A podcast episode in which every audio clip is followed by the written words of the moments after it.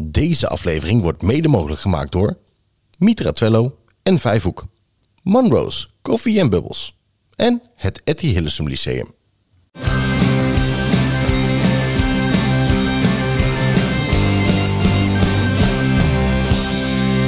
Twee meiden uit het onderwijs, een goed glas wijn en een pot vol stellingen en vragen waardoor ze nooit uitgepraat raken. Dit is Wijn in het Onderwijs. Hoi, welkom. We zitten er weer. Aflevering 3 van seizoen 2 zit ik hier samen met Kim Ja, aan tafel. nou gezellig. Ja, nou, en eh, we hebben het natuurlijk de vorige afleveringen gehad over groepsdynamica en over orde houden in de klas. Kunnen we iets heel anders doen? Eh, ja, want we hebben natuurlijk nog veel meer soorten onderwijs. We hebben al Montessori onderwijs gehad. Ja, dat is maar ook leuk. ehm, zeker. Ja. Maar, maar we missen nog eigenlijk een aflevering over het basisonderwijs. Het basisonderwijs. En die brug laat ik daar nou toevallig net een hele leuke gast voor weten. Jij meent het niet. Ja, het is echt. Ja, nee, serieus. Ja. Ja, en ik ken hem al een paar jaar. Ehm, Jim, ook lekker een jonkie in het onderwijs. Lekker innovatief. eh, kan goed babbelen. Dus eh, ik zou zeggen, als je benieuwd bent naar de aflevering over basisonderwijs, voorzet onderwijs, blijf kijken en luisteren. Blijf kijken en luisteren. Leuk, ik heb er zin in. Ik ook. Komt-ie. Wijn in het Onderwijs. Jim, welkom bij ons aan tafel. Ja, leuk om te zijn. Nou, fijn. Zou je jezelf even aan ons willen voorstellen? Ja, eh, ik ben Jim Voorhorst en ik, eh, ik werk in Zwolle op onderwijsroute 1014. Dat is een school voor 10 tot 14-jarigen. Daar geef ik Duits en Nederlands en eh, ben ik coach. En ik werk ook in de bovenbouw van 1014, onderwijsroute en jij. En daar geef ik alleen Duits. Daar heb ik nog nooit eerder van gehoord. Nee, daarom dacht ik, deze, ik ken Jim al heel lang. Ja. Maar daarom dacht ik, Jim is leuk voor in onze podcast. Want het is Nou. een keer totaal wat anders, maar wel lekker onderwijsgerelateerd. Ja, precies. Ja. Want hoe, hoe werkt dat dan? Ik heb geen idee hoe jullie Nee. school eruit ziet. Maar de 1014-school is dus letterlijk 10 tot 14 jaar. Dus eigenlijk groep 7 tot en met klas 2. Ja. En ehm, dat is eigenlijk of voor leerlingen die eerder al meer aankunnen en meer eh, nou, eigenlijk zelf willen ontdekken en zelf eh, willen groeien. Of juist leerlingen die gewoon nog niet rijp zijn om te kunnen zeggen: jij bent een eh, VMBO-leerling of je bent een havist. Ah, hebben ze ook tijd om zeg maar, als het ware sociaal-emotioneel of dan wel cognitief nog een beetje eh, nou, door te rijpen als het ware. En dat zou dus betekenen dat die leerlingen pas in groep eh, of in klas 3 naar een middelbare school gaan, naar een richting gaan die dus Ja. op dat moment bij je past. En tot die tijd blijven ze in zo'n eh, hele ja, heterogene groep dan, hè? Dan Ja. heb je dus echt Ja, alles zeker. heen zitten. nog. Ja. Ja. Ja, sommige lessen hebben ze echt als, als stamgroep. Dus dat is echt groep 7 tot en met eh, klas 2 door elkaar heen. Dus Nederlands geef ik ook in de stamgroepen. Dus dat is wel extreem heterogeen. Eh, maar sommige groepen hebben ze ook zeg maar, als PO-groep, als klas 1 of als klas 2. En dan zijn ze wel weer met verschillende niveaus, maar dan wel op leerjaar zeg maar, in, eh, ingeschaald. En wat is jouw vooropleiding dan? Ehm, nou, ik ben er nog mee bezig zelfs. Eh, Teachers College, dat is een speciaal eigenlijk opleiding die een beetje daarvoor gericht is. Daar doe je en PO en VO. En pas na anderhalf jaar ga je daadwerkelijk een keuze maken. Oh. Dus ik heb ook wel een propedeuse voor de PABO. Daar heb ik ook wel eh, eh, nou, dingen in gevolgd. Hm. Eh, en daarnaast eh, Duits en Nederlands. En Duits ben ik klaar. En eh, Nederlands eh, maak ik dit jaar af. Joh, wat interessant. Ja, Wist jij dat dat dat bestond? Nou ja, ik wist het omdat eh, wij een collega bij ons op school hebben gehad die er wel eens over gepraat heeft. Eh, want het zit volgens mij ook in Oldenzaal. En ik raakte wel eens met Jim aan de praat, eh, zeg maar buiten ons werk op de camping om. En toen kwam ik erachter en toen dacht ik, maar dit is tof, dit is leuk om het eens over te hebben. Omdat wij al heel lang op zoek waren, eigenlijk in seizoen 1 al naar iemand met zowel basisschoolervaring als voortgezet onderwijservaring. Nou ja, en breder dan jij met je groep 7 tot en met eh, de examenklassen, HAVO en volgens mij ook nog VWO. Uiteindelijk wel. Krijg je het niet. door, ja. Breder dan dat wordt het niet. Dus eh, ik dacht, dit is ideaal om het eens te hebben over de verschillen, over de aansluiting, warme overdracht en alle andere stellingen en vragen die nog op ons wachten. Ja, super spannend. Nou, dat, zal, dat kan alleen maar een leuk onderwerp worden en alleen maar een leuk gesprek worden. Maar eerst. Het één na belangrijkste, na de gast, na de gast is toch wel het belangrijkste. belangrijkste, Maar de daarna wijn. hebben we inderdaad een wijn. Ehm, als jij hem gaat schenken, Ja, dan ga ik hem voorlezen. We hebben weer een witte wijn, want we zitten nog in het staartje van de zomer. Ja, belangrijk. eh, twijfelachtig. Maar ehm, eh, wat heb ik eh, meegenomen? Ik heb een eh José Galo. Ik zal het, want het is, het is een als het Spaans is, is het, is het José. José Want de Galo. J is een G, hè? Ja, precies. José Galo. Uit Spanje. Het is een heerlijk modern gemaakte wijn. Toen- Dat integreerde mij weer. Dus toen dacht ik, hoe maak je dan een wijn Modern. modern? Ik heb geen idee. Ik heb het niet terug kunnen vinden. Dus dat blijft een vraag eh, die ik eh, volgende keer aan Peter ga stellen. Van eh, de Mitra in Oh ja. Twello en de Vijfhoek. Wat dan een modern gemaakte wijn is. Dus die hou je van mij te goed. Je krijgt van mij ook mijn glas. Fantastisch. Ehm, van de Ver, Verdeo-druif. Verdeo-druif. Met een strogele kleur. Ja, dat wel is inkomen. wel, redelijk. En een zacht groene zweem. Ja, dat ligt maar net aan hoe je hem houdt, denk ik. De geur is tropisch van tropisch fruit, perzik en citrus met, een, eh, met op het einde een lichte anijstoets. Hij is bloemig en licht kruidig karakter met een elegant bittertje naar de afdruk. En toen schrok ik een beetje, want ik ben helemaal niet zo van de bittertjes. Dus Nee. ik ben benieuwd. Maar hij ruikt inderdaad wel lekker fruitig. Ik zou zeggen, Ja, cheers Proost. op eh, aflevering 3 van seizoen 2 alweer. Hmm. Hij ruikt wel goed. Ik vind hem wel zoet. Ja. Ja, dat is toch dat, toch dat fruitige als er dan in zit. Ja, Jim, wat vind Ik je? vind hem lekker. Jij vindt hem lekker? Ja. Jij bent Ik tevreden? hou niet van zoet, maar dit vind ik lekker. Nou, Is goed. Nou, dan, eh, Ik heb dat, dat, dat bittere proef ik nog niet echt. Misschien Nee. komt dat zo meteen na een paar slokken, maar Ja, of naar de fles. dat kan ook. Ligt eraan hoe gezellig het is gaat dit ook een alledaags wijntje of dat Het staat er niet bij. Nee, nee. nee. Wel modern. Dus, eh, ja, is heel modern. Kun je ervan maken toch? Ja, precies. Ja, ehm, Jim. Je Ja. kent het waarschijnlijk wel. Zeker. Jij mag een stelling of vraag als eerste uit onze pot gaan pakken. Ja. Die, eh, alle stellingen en vragen zijn natuurlijk ingezonden door onze volgers. Die via Insta of Facebook of op een andere manier... eh, Bij ons betrokken zijn. ja, precies. Dus als je dat nou leuk vindt, doe vooral je mee met eh, als wij vragen om stellingen en vragen. Zeker. Ehm, dat is een leuke, denk ik.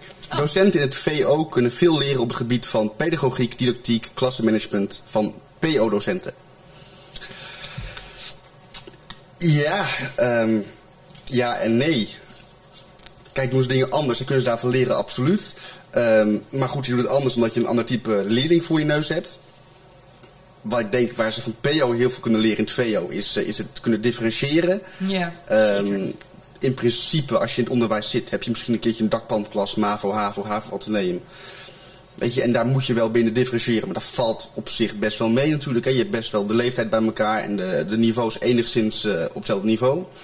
Maar ja, in een, in een PO-klas, groep 7, daar heb je natuurlijk van praktijkonderwijs tot gymnasiasten. Ja. En toch moet je allemaal zien te bedienen. En daar zijn PO-docenten echt wel ingepokt en gemazeld. Tegelijkertijd ehm, zijn VO-docenten weer echte specialisten, vakspecialisten. Ik denk juist dat je didactisch gezien veel meer kan leren van VO-docenten. Die natuurlijk weten op een bepaald vakgebied, geschiedenis, staatsinrichting, aardrijkskunde, noem maar op. Hoe breng je dat nou precies over en hoe maak je dat aantrekkelijker of interessanter? Dus ik denk eh, niet per se dat VO meer kan leren van PO, maar dat ze elkaar zeker wat eh, kunnen bieden. Ja, interessant. En hoe doe jij dat dan? Als jij eh, even over terug, eh, terugpakken, want ik ben natuurlijk een eh, VO-docent. En ik kan heel veel in differentiëren van jou leren. Voor, als PO-docent. Ehm, wat doe jij anders, denk je, in differentiëren dan wat ik in de klas doe? Nou, ik, ik ben eigenlijk ook VO-docent, want ik heb wel de afslag VO genomen omdat dat echt wel beter bij me paste. Maar ik heb wel PO-ervaring. Ja. Ehm, en wat doe ik dan echt anders?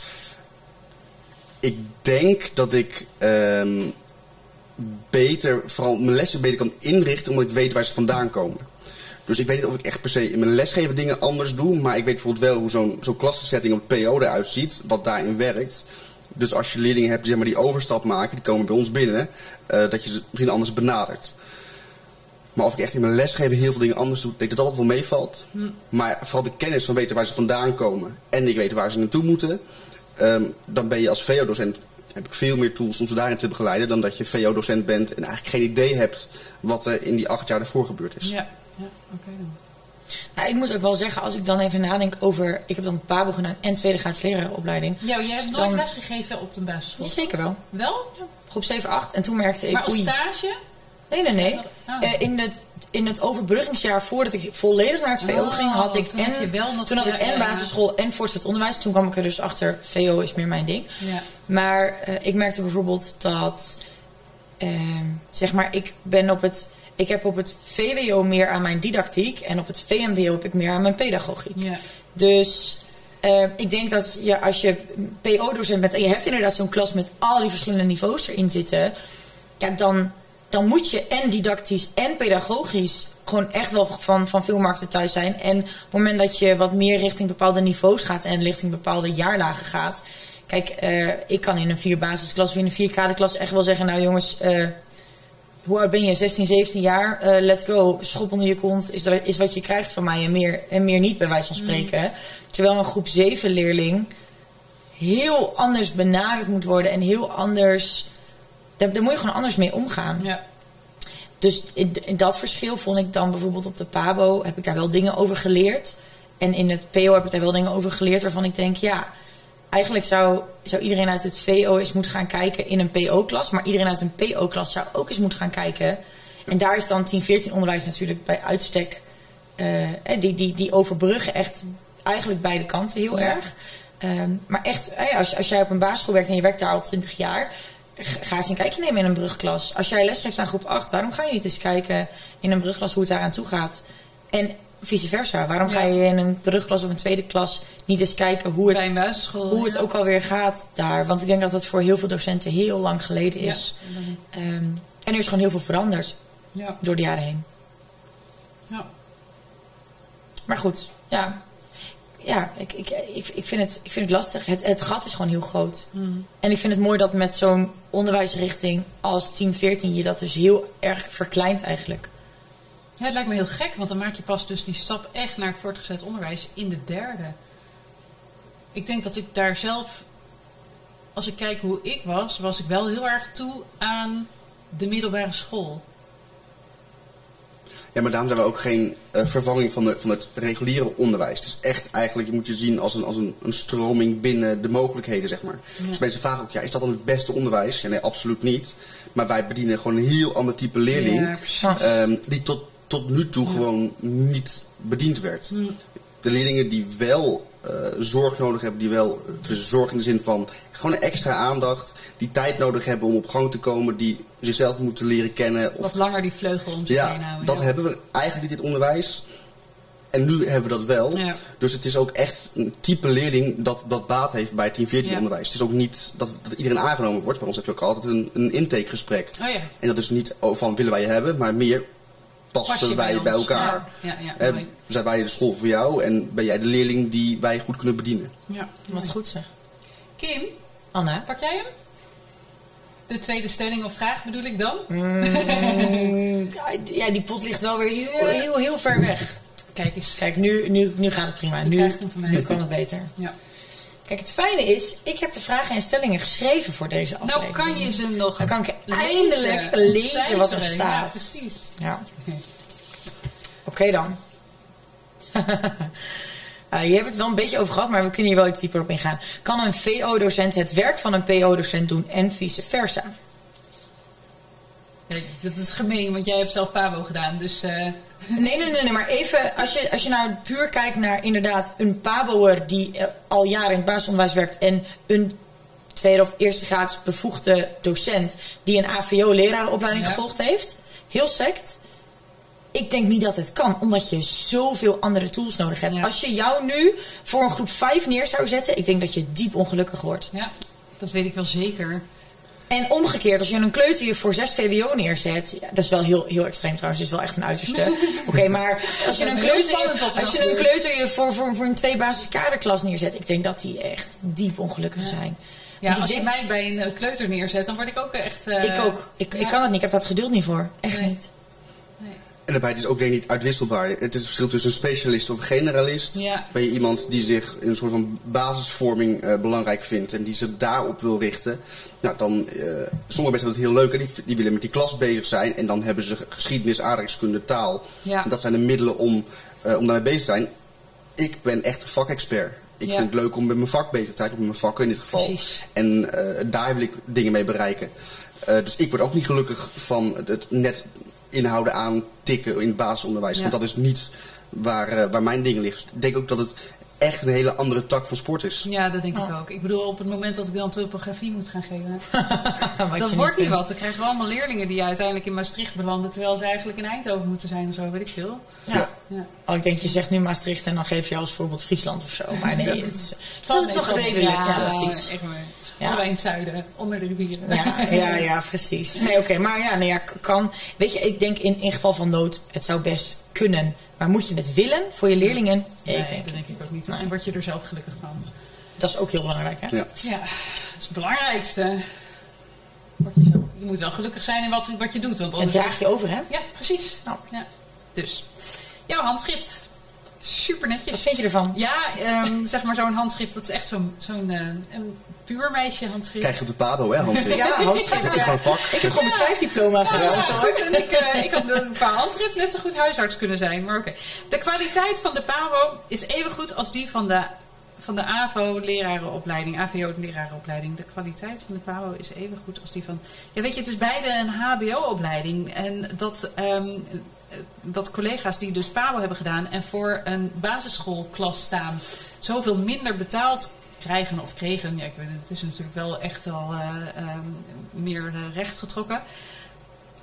Ja, dat slaat helemaal nergens op. Nee. Ik bedoel, als ik ga kijken naar eh, mijn schoonzus bijvoorbeeld ook, die ook in het basisonderwijs les geeft, ehm, die dan, ehm, nou ja, weken voordat de, de school weer begint, is zij alweer de les aan het voorbereiden en een bordtekening aan het maken. En toen ik vanmorgen ehm, op school kwam van mijn leerlingen, van mijn kinderen, ja, weet je, alles staat al klaar. Die, zij zitten er ook gewoon nog in hun klaslokaal tot, eh, tot vijf, zes uur. En beginnen ook, hè, staan ook om, eh, om, eh, om acht uur zijn sowieso de eerste docenten al klaar om de eerste leerlingen te ontvangen.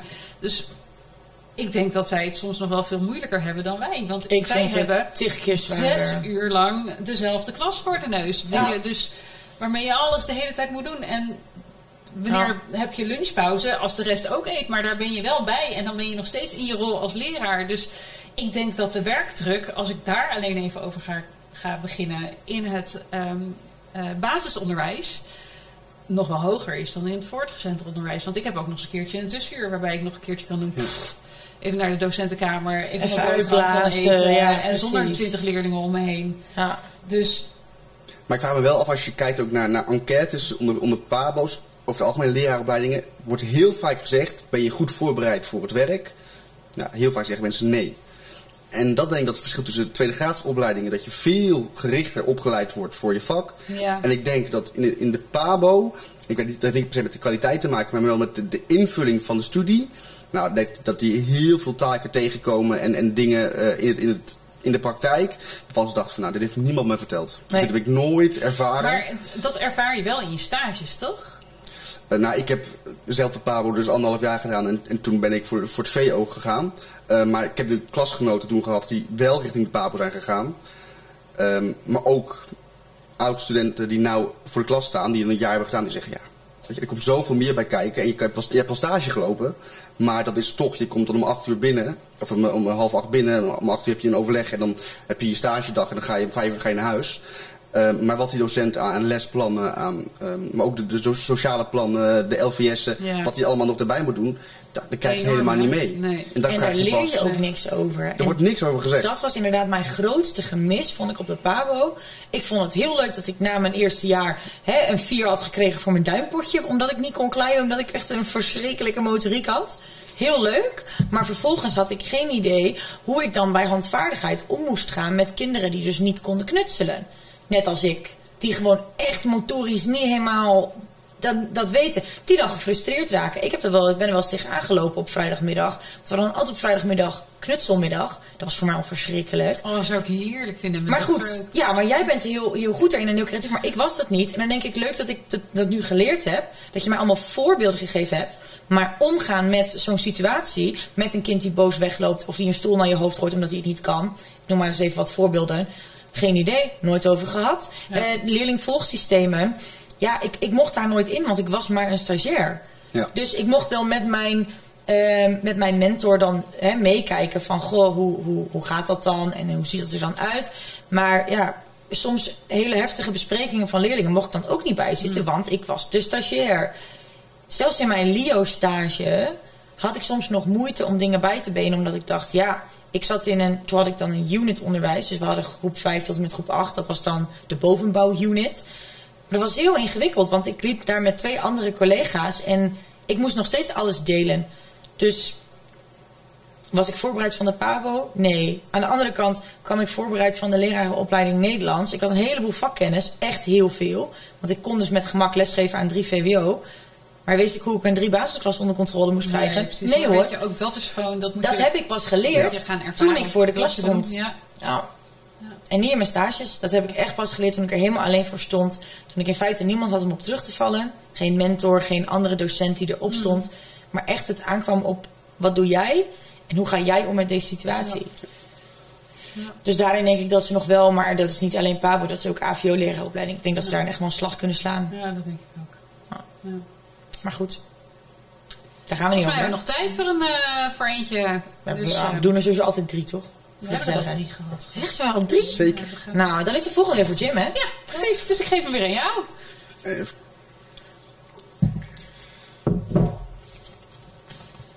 Nou, ben benieuwd. Stel, PO-VO is er niet, hoe zou je het onderwijs dan inrichten? Leuk. Jeetje. Hele leuke vraag. Ik ben Nou, heel eens benieuwd. Nou, ik ben heel erg voor leerlinggestuurd onderwijs, maar daarin weet ik ook dat het een utopie is. Hè, want een kind van acht kan geen leiding nemen over cognitieve, sociale, emotionele ontwikkeling. Daarvoor zijn wij als experts, hebben wij daarvoor gestudeerd en hebben wij daar ervaring voor verzameld om ze daarin te begeleiden. Maar ehm, ik zou een soort van algemene basisvorming en daarna iets meer vrijheid in ontwikkeling en ook tijd, zou ik heel, heel tof vinden. Kijk, dan ga je je hele onderwijs op de kop zetten met hoe ga je dan weer meten wie op welk niveau zit. En dat is natuurlijk een enorme vraag. Het is geen vraag die je feitelijk te beantwoord. Maar eh, ik zou meer inzetten op een, kortere basisvorming. eh, wat, iedereen zeg maar generiek heeft. En dan meer ruimte voor eigen invulling. eh, meer tijd. En daardoor ook meer plek om, om andere dingen te doen in het onderwijs. Want onderwijs is niet alleen maar rekenen, taal. Of in mijn geval Duits. Ehm, leren gebeurt ook buiten het klaslokaal, waar we eigenlijk geen ruimte voor hebben. Want wij vinden wat wij binnen het klaslokaal doen zo ongelooflijk belangrijk. Eh, dus meer ruimte, meer tijd en meer vrijheid. Nou. Ja, ik vind het echt, als ik het onderwijs opnieuw zou kunnen inrichten, oh, ik zou er echt, ik, ik zou er met een schop in gaan en ik zou het helemaal omspitten. En inderdaad, wat je zegt, het is een beetje een utopie, want het is niet haalbaar. Eh, want ga er maar eens aan staan om allemaal kinderen te hebben die je moet gaan soort van ontwikkelen, die zichzelf moeten leren kennen en die dan ook nog wat basisvaardigheden moeten weten. Eh, dus wat ik dan in drie basis heel erg doe, is dat dan heel erg de focus leggen op meningsvorming, want het gaat alleen maar over rekenen en taal tegenwoordig. Nou, en dat is gewoon dat ik denk, mag wel iets, mag wel iets meer over nagedacht worden. Maar hoe ga je dat doen als je allemaal SLO-dingen hebt en, en, en kerndoelen en allemaal dingen, CITO-toetsen. Heb je dat eigenlijk bij jullie op school, CITO-toetsen? Oh, wat Nee. een goede vraag. Wij, wij hebben geen CITO's, eh, wij hebben eh, DIA's. En dat zijn eh leerlingvolgtoetsen eigenlijk. Waardoor je ook een, eh, nou dat bouw je dus ook op. Dus vanaf groep 7 als je wel eens binnenkomt of vanaf vanaf klas 1. Als je ook bij kla- om klas 1 pas instromen. eh, dan bouw je dat als het ware op. En wat het mooie daarvan is, die meet dus eigenlijk vooral je vooruitgang. Of bij, bij steken bijvoorbeeld. Hè, maar die, die meet in ieder geval wat is het verschil. En daar stroomt ook vaak eigenlijk een niveau uit. Dus we hebben geen CITO die zeg maar aan het einde van je periode komt en die zegt met de bottenbel en dit is het. Maar we hebben eigenlijk toetsen eh, op een leerling volgesteld en het zijn adaptieve toetsen. Dus die toets is online en die past zich aan aan het niveau van de leerling. Ja. Waardoor die ook echt tot het plafond gaat, zeg maar. Ehm, waardoor wij een heel goed beeld krijgen van de capaciteiten van de leerling. Of juist waar de, de, de, de tekorten zitten. Waar, waar een leerling nog, nog ontwikkelruimte heeft, zeg maar. Ja. En het mooie daarvan is dat bij ons daarnaast coaching heel belangrijk is. Dus ik coach je elke week. En eh, drie keer per jaar hebben we een eh, portfoliogesprek van, eh, met ouders en leerling. Die de leerling voorbereidt. En die gaat dan vertellen over zijn of haar voortgang in die periode. En dan pakken we ook dat erbij. En dan zie je ook vaak een, vaak een groeicurve. Of een curve die een beetje iets terugloopt. Of die ongeveer gelijk blijft. En hoe meer je daarvan verzamelt, ja, op een gegeven moment weet je gewoon in die driehoek van leerling, ouders en school, weet je precies waar zo'n leerling zich bevindt. En ook als spelling niet heel goed gaat, nou, dan weten we waar we aan moeten werken. Gaat rekenen niet goed, dan weten we waar je aan moeten werken. Ja. Dus de CITO-toets is bij ons geen ehm, moment waarop we iemand gaan bevorderen of afrekenen. Maar wij gebruiken dia-toetsen om eigenlijk de, de voortgang voortdurend te meten en te kunnen vergelijken en zodanig bij te sturen dat de leerling eh, zich nou, tot het maximale ontwikkelt. Ja, dat vind ik wel wat voor te zeggen eigenlijk. Ja, mooi. Oh. Want jij zegt, je bent coach. Is dat zeg maar vergelijkbaar met een mentor in het voortgezet, of in het eh, ja, voortgezet onderwijs? Eh, het, nou ja, het heeft ook de taak van de mentor, maar ik, ik denk dat het wel. Ik vind mentoraat vind ik iets, iets heel wankeligs. Want de ene mentor die is er van als je wat hebt, kom naar me toe. En de andere mentor maakt er echt een ding van. Dus mentor, het mentoraat vind ik sowieso vrij, vrij fluide. Maar eh, coaching is bij ons wel echt heel intensief. Dus het gaat op, op executieve vaardigheden. Het gaat ook op sociaal-emotionele eh, ontwikkeling. Ehm, we zijn heel nauw betrokken bij de leerlingen. We zien ze allemaal gewoon echt heel veel. We weten echt alles van ze. Hoeveel is heel veel? Eh, nou, ik werk vier dagen en vier dagen per week ben ik. we werken ook in units. Vier dagen per week ben ik gewoon op school. We hebben geen deuren, alles is open. Ehm, eh, leerlingen hebben geen vaste plekken. Leerlingen, eh, docenten wisselen van lokalen. We lopen bij elkaar binnen. Dus eigenlijk zien we elkaar altijd. En wij werken allemaal van 8 tot 5. Punt. Ja. Elke dag. Ja. Wij zijn niet als we, we hebben geen tussenuren. We hebben geen. eh ehm, mijn les is voorbij, dus ik ga weg. We werken de hele dag, dus we, we zien ze ook de hele dag. Ja. En we, dus de leerlingen weten ook dat we bereikbaar zijn de hele dag. En de ouders ook. Ja. mooi. Het is wel echt, echt aanzienlijk anders dan hoe het bij ons gaat. Hè? Ja, want even over jouw coachleerlingen. hè. Heb je er dan, weet je, als ik een, ment, een mentorklas kan soms wel 26 leerlingen zijn bij ons. Ja. Maar hoe zit dat dan bij jou? Heb jij er dan minder of heb je er ook Ja, zoveel? Verschilt. eh, ik heb er niet zo heel veel. Er komt, eh, ik ben ehm, heel veel dagen vakexpert. Drie dagen week vakexpert. Maar Mm. ook in de bovenbouw werk. Dus dan kom ik alleen mijn lessen geven, Duits of Nederlands. Maar één dag in de week is ook mijn coachdag. Dus heb ik een stamgroepmoment. 's Morgens beginnen we de dag samen als, als stamgroep. En ik sluit hem af. En tussendoor zie ik me, de leerling gewoon in verschillende samenstellingen. In verschillende klassen natuurlijk. Ja, Ehm, en we hebben ongeveer max zeven coachleerlingen per coachdag. En sommige collega's zijn vijf dagen coach.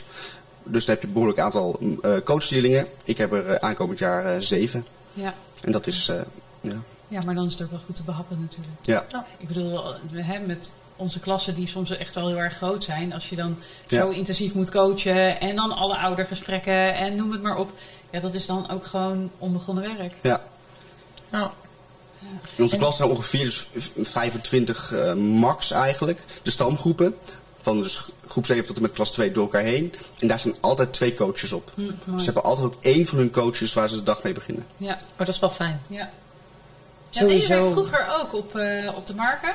Had je, had je lesuur nul, hè? Hadden ze lesuur 0, dat begon om kwart over acht tot vijf over half negen, geloof ik. En Oh ja. dan was het inderdaad het moment dat je dus altijd je mentorklas 's ochtends even zag. En eh, dan, eh, dan, ja, dan opende je inderdaad ook samen de dag. En dan ging je ook gewoon kijken, heb je al je spullen mee? En Ja. hoe zag het lesrooster eruit? En dat, maar toen waren we ook alleen nog maar basis eh beroepsonderwijs. dus dat is, eh, dat is eruit gegaan. En voor, niet meer. maar in de brugklasse doen ze dat nog wel bij ons, toch? Ik moet je eerlijk zeggen, ik zou het niet weten. Ja, ik dacht dus dat ze dat in de brugklasse wel deden. Juist vanwege die kloof, Continuïteit, de kloof, continuïteit. Maar ook vooral inderdaad de kloof tussen groep 8 en de brugklas. Ja. Want die is gewoon heel erg groot. Ja, dat denk ik ook. Dat het voor niet alle leerlingen even makkelijk is om die stap te maken van eh, basisschool naar middelbare school. Wat is nou een vaardigheid, Jim, waarvan jij zegt... Goh, op de basisschool beheersen kinderen die eigenlijk heel goed. En als ik ze dan in 4 MAVO of in 5 HAVO krijg... Dan, dan is daar eigenlijk niks meer van te zien. Ehm, ik denk samenwerking. Dat dat van na- natuurlijk iets wat je als klas hebt. Dat wordt denk ik naarmate ze ouder worden steeds individueler. Ja, Ehm, en dan dat je ook echt, hè, dan heb je, als ik in 4 HAVO samenwerksopdracht geef, bijvoorbeeld bij literatuur, dan is het van, mag het ook alleen? N- Nee, want ik geef je expres een samenwerksopdracht, want ik vind het ook belangrijk binnen het onderwijs. Ja. En eh, dat is denk ik een soort van gegeven in het PO. Je bent namelijk een klas, dus je doet het samen. Maar kijken we ook naar niveau. Sterker nog, daar ben je in het PO eigenlijk helemaal niet mee bezig tot het laatste halve jaar. Tot opeens iedereen zegt, ik ben kader, ik ben HAVO, ik ben dit. Dan krijg je een hele gekke dynamiek opeens. Maar Oh ja. tot die tijd heb je daar eigenlijk geen last van. En hoe meer je in dat VO zit, hoe meer je op jezelf bent, hoe meer je het eigenlijk allemaal in je eentje doet. Ehm, dus ik denk dat dat samenwerking niet dat slechter wordt, maar het wordt minder vanzelfsprekend. Denk dat daar eh, moeten we flink op zitten. ja.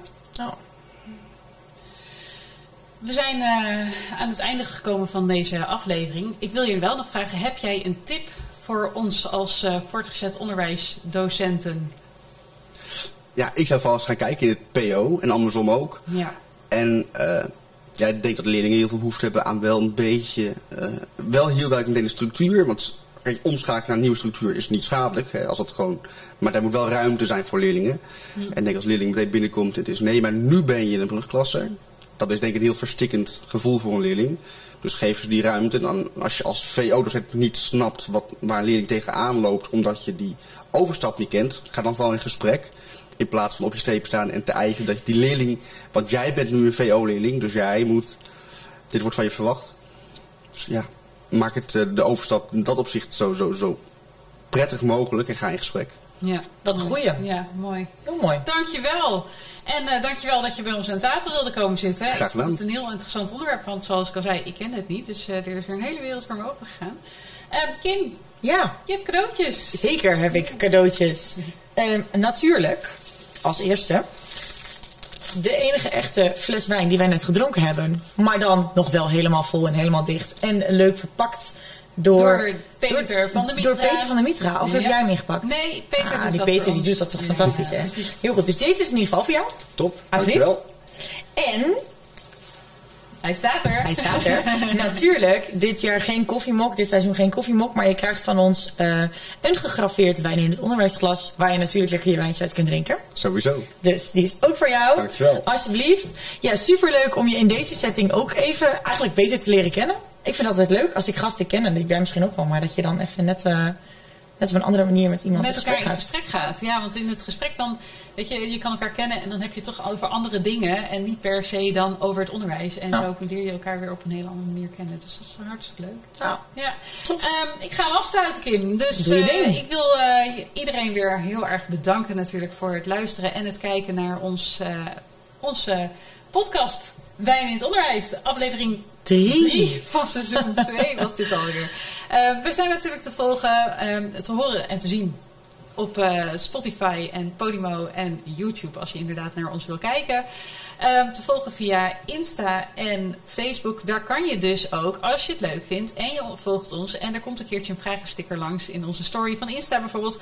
Je stellingen en vragen over bepaalde afleveringen die nog gaan komen, kan je daar achterlaten. En dan eh, misschien trekken we jouw stelling of vraag wel uit de pot. Dus eh, doe dat vooral. ja. Ehm, en als je nou leuke onderwerpen hebt, kan je die natuurlijk ook altijd aankaarten. Kan je ook naar ons sturen, www.wijninhetonderwijs.nl. Ja, dat is de website. Maar we hebben ook nog een, een, een Gmail. Dat is wijn in het onderwijs Hebben we ook nog? Ja, dat klopt. Jeetje, je zou het bijna vergeten. Ongelooflijk. Ja, ehm, en eh, voor nu eh, was dat hem weer, hè? Ja, Dus ik zou zeggen, tot, de volgende. Wijn in het onderwijs.